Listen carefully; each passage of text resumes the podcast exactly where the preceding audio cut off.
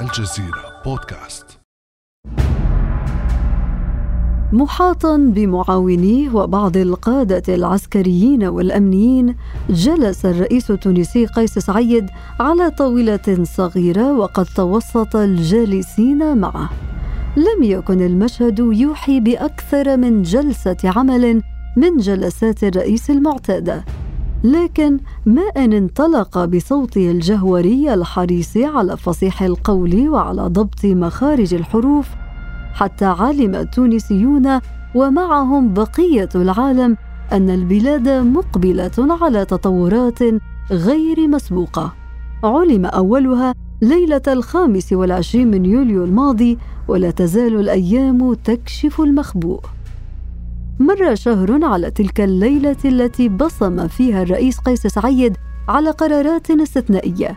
وصفها أغلب خبراء القانون الدستوري بالانقلاب بينما اختلف السياسيون في تونس بين من يراها انقلابا ومن يراها خطوة تصحيحية وبين من ذهب إلى أنها قفزة إلى المجهول لن تزيد الوضع في البلاد إلا غموضا.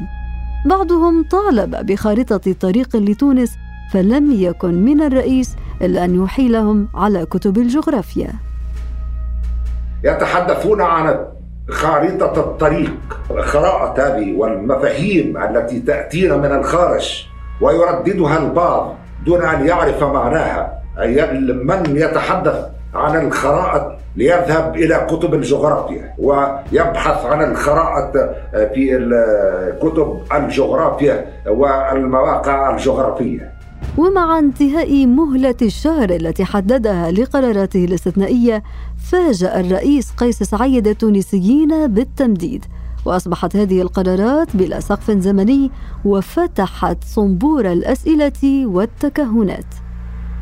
فما حصيلة شهر من قرارات ليلة الخامس والعشرين من يوليو الماضي؟ وما تداعياتها؟ ولماذا قام الرئيس بتمديد القرارات الاستثنائية التي اتخذها قبل شهر وما خلفيات هذا التمديد؟ هل هو مؤشر على ارتباك أو فشل في إدارة المرحلة أم العكس؟ وإلى أين تسير تونس؟ بعد أمس من الجزيرة بودكاست أنا امال العريسي.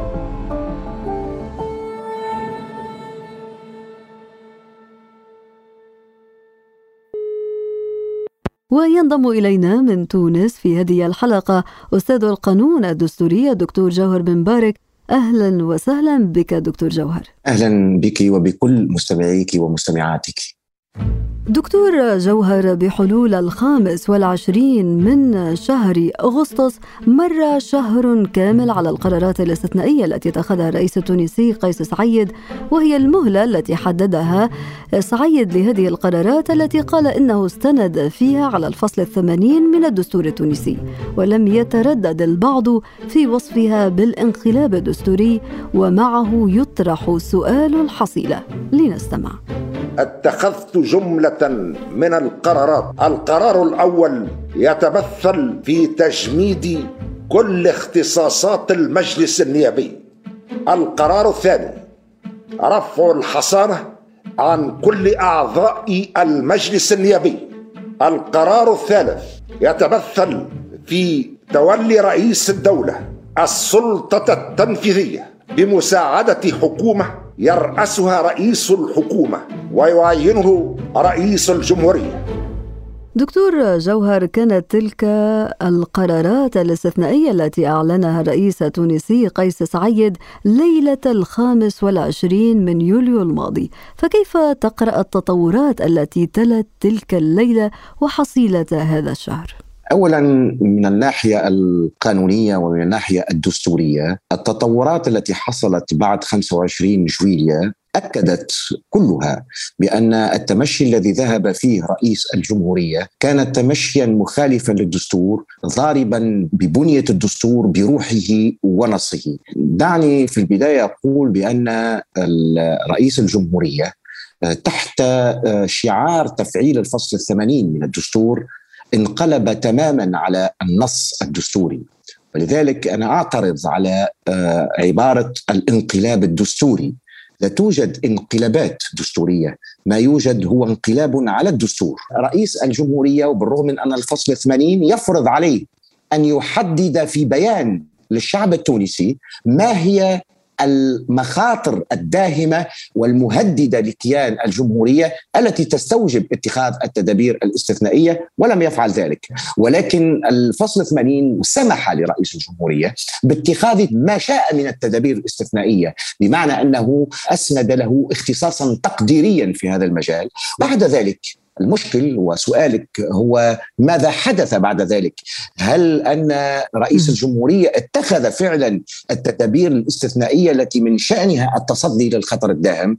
بعد ذلك لم نرى شيء، لم نرى أي قرار استثنائي ما عدا هناك بعض الإيقافات العشوائية دون أذون قضائية طالت بعض النواب وخاصة من الخصوم السياسيين لرئيس الجمهورية، لم نرى إلا إقامات جبرية على بعض رجال الأعمال وبعض الشخصيات الوطنية وبعض الوزراء والمسؤولين السابقين وعددهم آه، ليس كبيرا ولكنه موجود. الخلاصة أن كل ما فعله رئيس الجمهورية تحت لثام الفصل 80 هو أنه استحوذ على كل السلطات. اذا الخلاصة دكتور جوهر منذ ليلة الخامس والعشرين من يوليو أقتبس هذه الكلمة من حديثك لم نرى شيئا في الأثناء البلاد باقي باقية حتى الآن في حالة فراغ حكومي لماذا تأخر الرئيس التونسي قيس سعيد برأيك حتى الآن في تعيين حكومة جديدة؟ أنا أعتقد أن هناك أسباب كثيرة. أهمها هو المأزق السياسي الذي زج به رئيس الجمهورية البلاد وزج به نفسه. أعتقد أن هناك إشكال كبير الآن في الإخراج في إخراج عملية الانقلاب لأن رئيس الجمهورية والأوامر الرئاسية التي آه، نزلت بعد 25 جويلية تؤكد على أننا باقون داخل المنظومة الدستورية. تؤكد أننا باقون داخل الفصل 80 ورئيس الجمهورية يذكر بذلك مرارا وتكرارا. لاعتبارات داخليه اولا تتعلق بالطبقة السياسية والقوى السياسية والمنظمات الوطنية والمجتمع المدني الذي ينتظر ولكن بالخصوص نتيجة الضغوطات الخارجية والوضع الدولي للبلاد التونسية، تعرفين أن الخروج على الدستور وإلغاء الدستور والخروج تماما على المنظومة الدستورية وإعلان ذلك يعني أن رئيس الجمهورية يؤكد للقوى الدولية للمجتمع الدولي أنه وقع بالفعل انقلاب على الدستور. والانقلاب ليس مفهوما سياسيا فقط. الانقلاب أيضا هو مفهوم قانوني بمعنى أنه لو تم تصنيف ما حدث دوليا على أنه انقلاب. هناك تبعات دولية لذلك. تبعات على مستوى علاقات تونس الخارجية. تبعات على مستوى علاقات تونس التجارية. على مستوى علاقات تونس المالية. يعني هناك عقوبات ستنزل. هناك دول ستتحرك في هذا الاتجاه. هناك منظمات دولية ستتحرك في هذا الاتجاه. لأن الانقلاب ممنوع دوليا. الانقلاب على المنظومات الدستورية محرم دوليا. وتبعاته هو العقوبات الاقتصادية والمالية. الماليه إذا في ظل هذه الضغوطات الدولية في ظل أن الجميع يراقب ما يحدث في تونس وأنت حذرت من إمكانية عقوبات من إمكانية تضرر علاقات تونس الخارجية برأيك ما الذي ينتظره قيس سعيد لإعلان الحكومة؟ لا أعرف بالضبط ما الذي ينتظر وهذه من سمات رئيس الجمهورية أن احدا لا يعرف في ماذا يفكر. لا يفسر هذا التذبذب وهذا التأخير سوى المأزق السياسي الذي وجد فيه رئيس الجمهورية نفسه الآن. هناك مشكل آخر أيضا؟ هو أن طبيعة العملية التي قام بها رئيس الجمهورية وطبيعة تصريحاته حول طبيعة الحكومة القادمة وطبيعة رئيس الحكومة القادمة هو يريد رئيس وزراء وهذا قاله. رئيس وزراء يعينه رئيس الجمهورية ويعمل يعمل تحت ولاية رئيس الجمهورية وتحت رقابة رئيس الجمهورية، أعتقد أن رئيس الجمهورية اتصل في هذا النطاق بعدد كبير من الشخصيات القيمة من الشخصيات القادرة على إدارة البلاد وترأس الحكومة ولكن كلها رفضت في هذه الظروف أن تتولى هذه المهمة بهذه الشروط في هذه الظروف بالذات وفي هذا المناخ بالذات.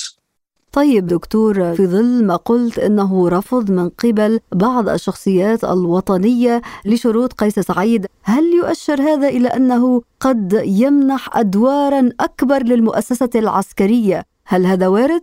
هذا آه، ليس واردا هذا واقع لأن آه، آه، رئيس الجمهورية عين مؤخرا وزيرا للصحة عسكري يعني ضابط آه، في الجيش الوطني التونسي وهي سابقة يعني لأول مرة ضباط الجيش يدخلون الحياة السياسية بهذه الطريقة. هذه أحدى المخاوف الكبيرة على تونس هو أن الجيش التونسي منذ أن بني بني على آه، أسس وعقيدة عسكرية مختلفة تماما عن الجيوش في الدول العربية ودول العالم الثالث. لهذا لم نرى انقلابات في تونس إلا عندما لأول مرة تولى فيها عسكري السلطة كان مع زين العابدين بن علي وهو رجل مخابرات عسكرية انقلب مباشرة على لحم بورقيبة. أعتقد أن الخطر الكبير عدم وجود قوة سياسية مهيكلة دافعة وداعمة لقيس سعيد وقادرة على تسيير البلاد لأن تسيير البلاد ليست مسألة شخصية. هو آه، يعتقد في نفسه القدرة على تسيير البلاد بصورة مباشرة وبصورة شخصية وينظر لذلك ولكن سيصطدم بالواقع سيصطدم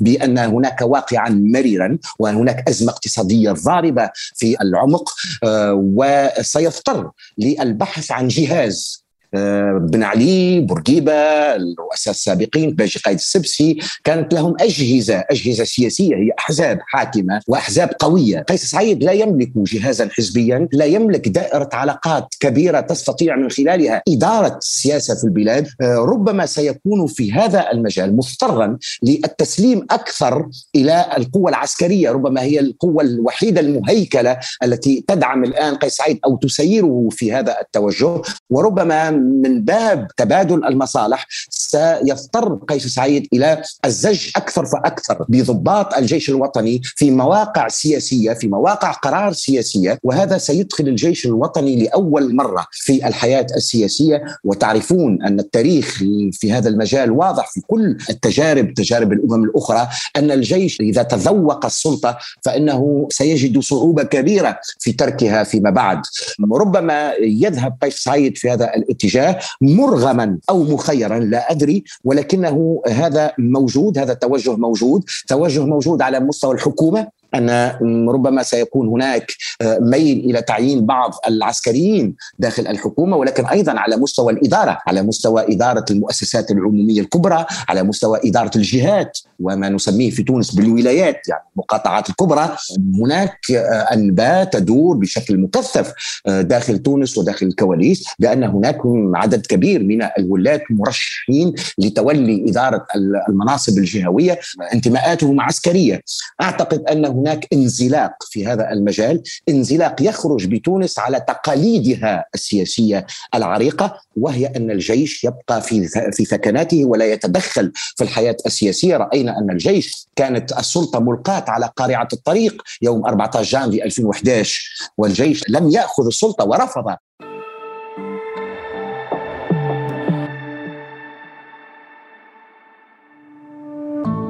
ابقى على تواصل مستمر مع الجزيرة بودكاست ولا تنسى تفعيل زر الاشتراك الموجود على تطبيقك لتصلك الحلقة يومياً.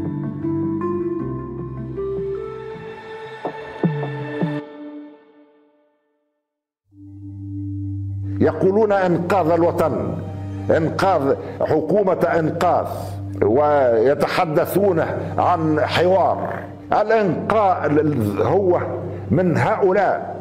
والخطر الجاثم على الدولة هو من البرلمان نفسه. يقال خطر داهم. دول البرلمان وعديد الأطراف الأخرى التي تتعامل معهم خطر جاثم على الدولة. فكيف لا أتخذ تدابير استثنائية للحفاظ على الدولة؟ ويجب أن نضع حدا لكل من يتجاوز القانون مهما كان موقعه. دكتور جوهر قيس سعيد إذا مدد في قراراته واعتبر البرلمان التونسي خطرا جاثما على الدولة. برأيك دكتور جوهر ما هي الوعود التي قطعها قيس سعيد وحققها منذ ليلة الخامس والعشرين من يوليو؟ الشعب التونسي له العديد من المطالب الاجتماعية والاقتصادية وهي من أوكد أولوياته. فما الذي تحقق؟ يعني في الحقيقة هو ليلة 25 جويلية لم يعد الشعب التونسي بأي شيء وعده بإغلاق البرلمان وإقالة الحكومة والاستئثار بالسلطة وفعل ذلك. كان عند وعده. لم يقدم أي وعود واضحة دقيقة للتونسيين ولم يتوجه حتى ببيان يعني كانت مجرد كلمات على هامش اجتماع قاده مع القيادات الأمنية والعسكرية. أعلن فيه أنه سيكون هو رئيس السلطة التنفيذية الوحيد. ولكنه أيضا دكتور جوهر تعهد بمقاومة الفساد وبمحاسبة الفاسدين وأيضا شاهدنا جولاته التي أصبحت بشكل يكاد يكون يومي في مخازن ما يشتبه في أنهم محتكرين وما إلى ذلك أيضا تحدث حتى عن تخفيض الأسعار وغيرها فكانت كل هذه تصريحات كان يدلي بها خلال هذا الشهر الذي تحدثنا عنه منذ ليلة الخامس والعشرين من يوليو أليس كذلك؟ نعم وجاء هي جاءت بعد 25 جويلية لم يكن هذا حديثه في الكلمة التي ألقاها ليلة 25 جويلية ولكن في إطار أحاديثه اليومية تقريبا المسائية تحدث عن مكافحة الفساد وتحدث على أشياء كثيرة أخرى ولكن خطاباته وكلماته كانت بالأساس موجهة إلى خصومه السياسيين رئيس الجمهورية يمارس السياسة فقط تقريبا يعني لم يكن يتوجه إلى الشعب التونسي أكثر من مما كان يتوجه لضيوف ضيوفه كان يضع الناس أمامه ليلقي خطابا موجها بالأساس إلى خصومه السياسيين مشحون بكثير من عبارات الشتم والسب واحتقار النخبة واحتقار الأكاديميين واحتقار كل الخصوم السياسيين تحت شعار هم هم هذه الهلامية. ولكن دعني أعود إلى مسألة الوعود المتعلقة بمكافحة الفساد وغلاء المعيشة. صحيح أن التونسيين يطالبون وتونس تحتاج إلى سياسة حقيقية لمكافحة الفساد إلى إرادة حقيقية لمكافحة الفساد والوقوف أمام هذه الآفة التي نخرت الاقتصاد التونسي ونخرت حتى السياسة. ولكن إلى حد الآن رئيس الجمهورية لم يتخذ إجراءات عملية فعلية في إطار مكافحة الفساد. اولا مكافحة الفساد ليست استعراضا. مكافحة الفساد هي سياسات عمومية هي سياسات دولة تبنى بشكل عقلاني تبنى في إطار حماية الاقتصاد الوطني ولا تبنى في إطار بث الرعب وبث الشك في نفوس المستثمرين ونفوس رجال الاقتصاد والفاعلين الاقتصاديين ما يحدث في نطاق ما يتخيله رئيس الجمهورية أنه مكافحه للفساد هو خنق لإرادة الفاعلين الاقتصاديين وتخويفهم آه، عبر الزيارات الفجئيه وخلع المخازن الخاصة والحديث على الاحتكار إلى غير ذلك. في هذا السياق هناك الكثير من المتابعين للشأن التونسي والمراقبين يتساءلون إن كان قيس سعيد الذي احتكر كل السلطات بيد واحدة قادرا على التصدي للاحتكار ويتحدث عن تطبيق القانون والحال أنه خالف بنودا كثيرة تضمنها الدستور. نعم هو سيصعب كثيرا الحديث المتناسق على على احترام القانون ونحن في تونس لدينا شعار طبق القانون يعني صعب جدا أن يتولى شخص آه، إلقاء الدستور وهو النص القانوني الأسمى في سلة المهملات ثم يطبق القانون من جهة أخرى، كل ما يقوم به الآن قيس سعيد هو مجموعة من الاستعراضات، الأكيد أن مكافحة الفساد مسألة ملحة في تونس، ولكن الخوف كل الخوف هو أن يتم التعاطي معها بطريقة شعبوية غوغائية تؤدي إلى مزيد استشراء الفساد ومزيد تعطيل دواليب الاقتصاد.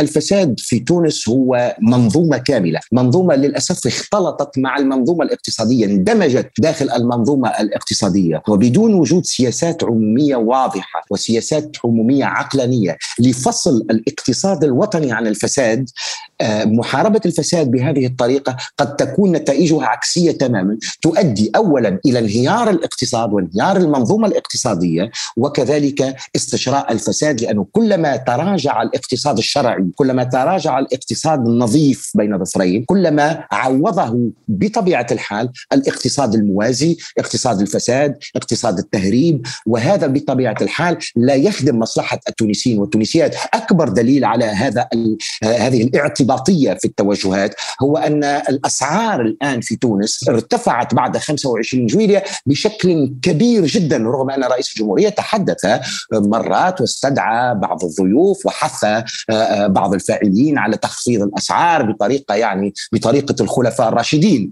آه، ولكن الاقتصاد العصري لا يعمل بهذه الطريقة. يعني كما يقال دكتور جوهر ما هكذا تدار السياسة والاقتصاد في بلد بات مهددا بالإفلاس؟ كما أشرت دكتور غلاء أسعار صعوبات في المعيشة انهيار اقتصادي تراجع استثمار بطالة ناهيك عن تراكم الديون والعجز عن تسديدها وغيرها. وبالتالي هل ما زالت هناك فرصة للتدارك؟ دكتور جوهر أنا أعتقد أن إجابة رئيس الجمهورية لمن يطالبون بخريطة الطريق ما يسمى بخريطة الطريق كانت إجابة شافية وكافية ويستأهلونها. عندما قال لهم من يبحث عن خريطة الطريق فليذهب للبحث عنها في كتب الجغرافيا. لأنه لا معنى الآن للحديث عن خريطة الطريق.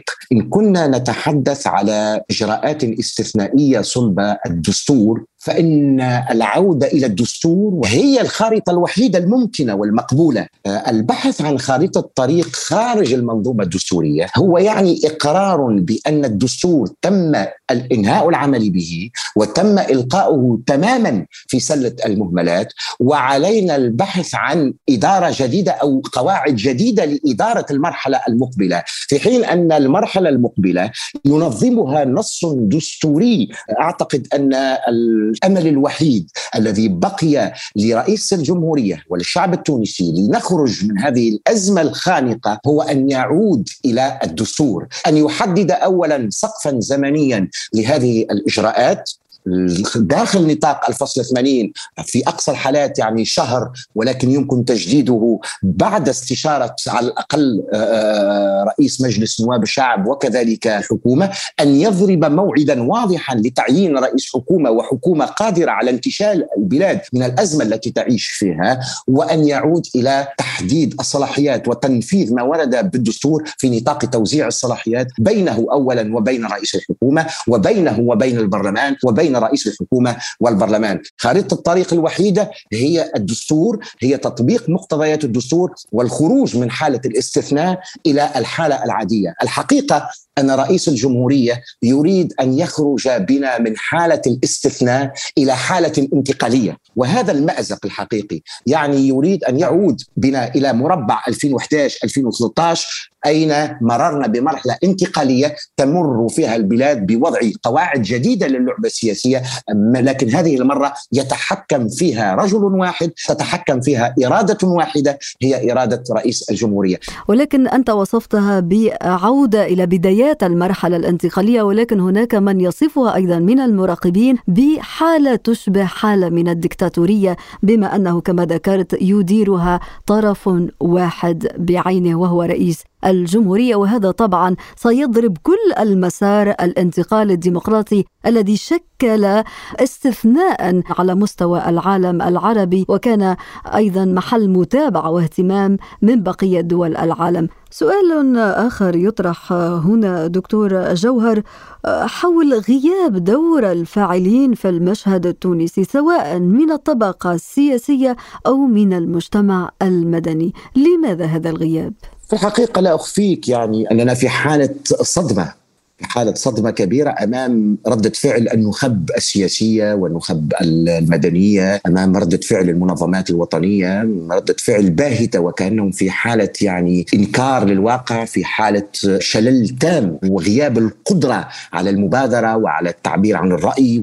أعتقد أن فوتنا الطبقة السياسية وكذلك النخبة نخبة البلاد فوتت على نفسها فرصة الأسبوع الأول واليوم الأول والشهر الأول حتى لا تسمح ب انجرار الوضع نحو الاستبداد ونحو عودة الدكتاتورية. لأن الدكتاتورية آه، هي مارد يمرد آه، آه، ويمر تدريجيا وبسلاسه إذا وجد طريقا مفتوحا. والآن الطريق أمام قيس سعيد أمام بهتة المجتمع المدني والمجتمع السياسي الطريق تبدو مفتوحة لمزيد الاستئثار بالسلطة مزيد الاستئثار بالرأي الواحد والقرار الواحد. لكن أكيد هو أن في الأسابيع القليلة الماضية يعني هناك بداية تغير لحركة الرياح آه، إنجاز التعبير. أعتقد أن هناك بداية للاستفاقة. هذا ناتج عن الأخطاء المتراكمة التي تحدث يوميا الآن سواء في علاقة بإدارة الملف الاقتصادي والمالي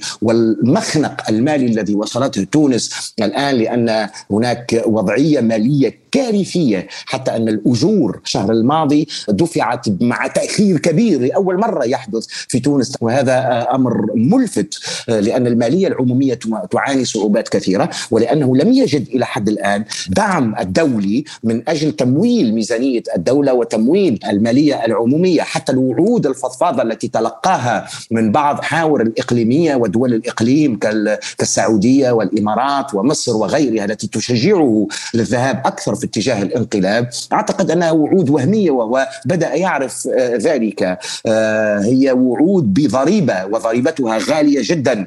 وربما لا ليس لقيس سعيد القوة لا العسكرية ولا الأمنية ولا السياسية ليحقق تلك الشروط المشحفة تجاه المجتمع التونسي. وكذلك الغرب الآن الذي يترقب تطور الوضعية ولا يستطيع أن يقدم الدعم لتونس وحتى المانحين يعني البنك الدولي وصندوق النقد الدولي هم الآن في حالة ترقب وانتظار لتطور الوضعية السياسية. أعتقد أن قيس سعيد زج بالبلاد في مخنق ومأزق ودعنا نقول بأن هناك عملية تدمير ممنهج وقعت للعقل التونسي الجمعي للعقل الديمقراطي لفكرة المجتمع الديمقراطي عن طريق الإعلام عن طريق شبكات التواصل الاجتماعي. كانت هناك على امتداد عشر سنوات سياسة كاملة في تونس تمولها أطراف وتسهر عليها أطراف وتشجع عليها أطراف من أجل تدمير العقل الديمقراطي وتدمير التجربة الديمقراطية ومنع أي مراكمة في العملية الديمقراطية. نعم وربما آه هذه المحاولات الممنهجة لتدمير الوعي الجمعي الذي أشرت إليها دكتور جوهر هي التي تتطلب الاستفاقة من الصدمة سواء على مستوى الطبقات السياسية أو على مستوى مكونات المجتمع المدني للخروج من هذا المأزق الخانق الذي وضعت فيه البلاد آه هذه التدابير الاستثنائية. شكرا لك أستاذ القانون الدستوري الدكتور جوهر بن بارك. كنت كنت معنا من تونس. شكرا جزيلا. شكرا على الدعوة. كان هذا بعد أمس.